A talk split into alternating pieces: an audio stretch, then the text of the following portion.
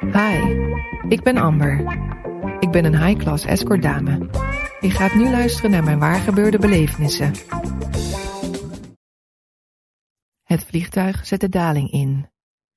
Bijna huppelend loop ik na het taxiën de verstikkend warme slurf in.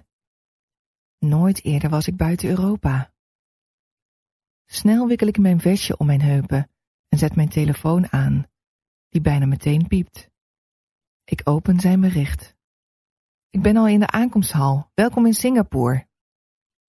Na een korte avond met Simon in Amsterdam wil hij me terugzien.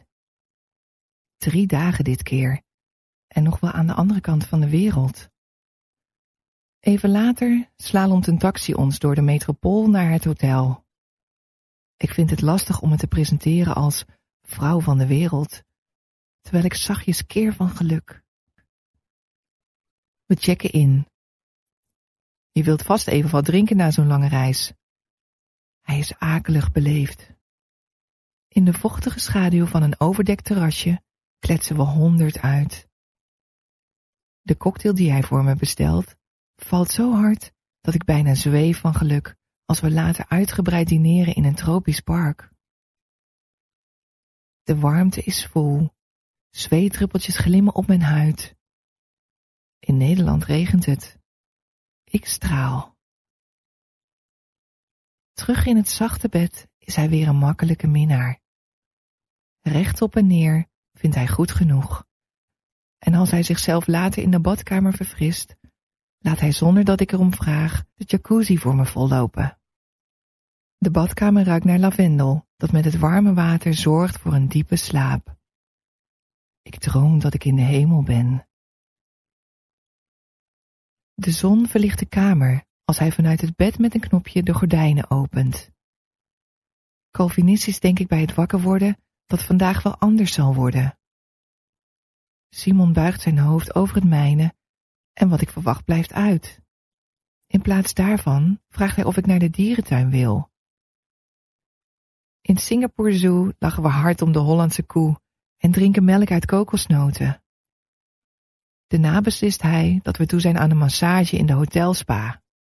Het is mijn allereerste. Hoe kan dit gebeuren? Waar is de adder?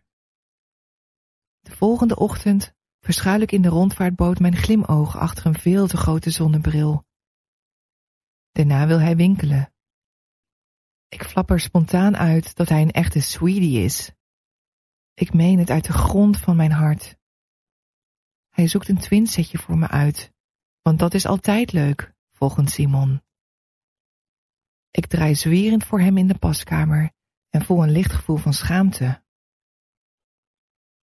Die avond, onder de sterrenhemel in een restaurant vol koloniale pracht, stel ik hem de hamvraag. Val ik soms tegen? Ik ben toch ingevlogen ter seksueel vermaak? Zijn antwoord had ik nooit kunnen raden en is daarom zo verrassend. Mijn sweetie biecht op dat mijn meerwaarde boven andere dames is, dat ik zo kan genieten.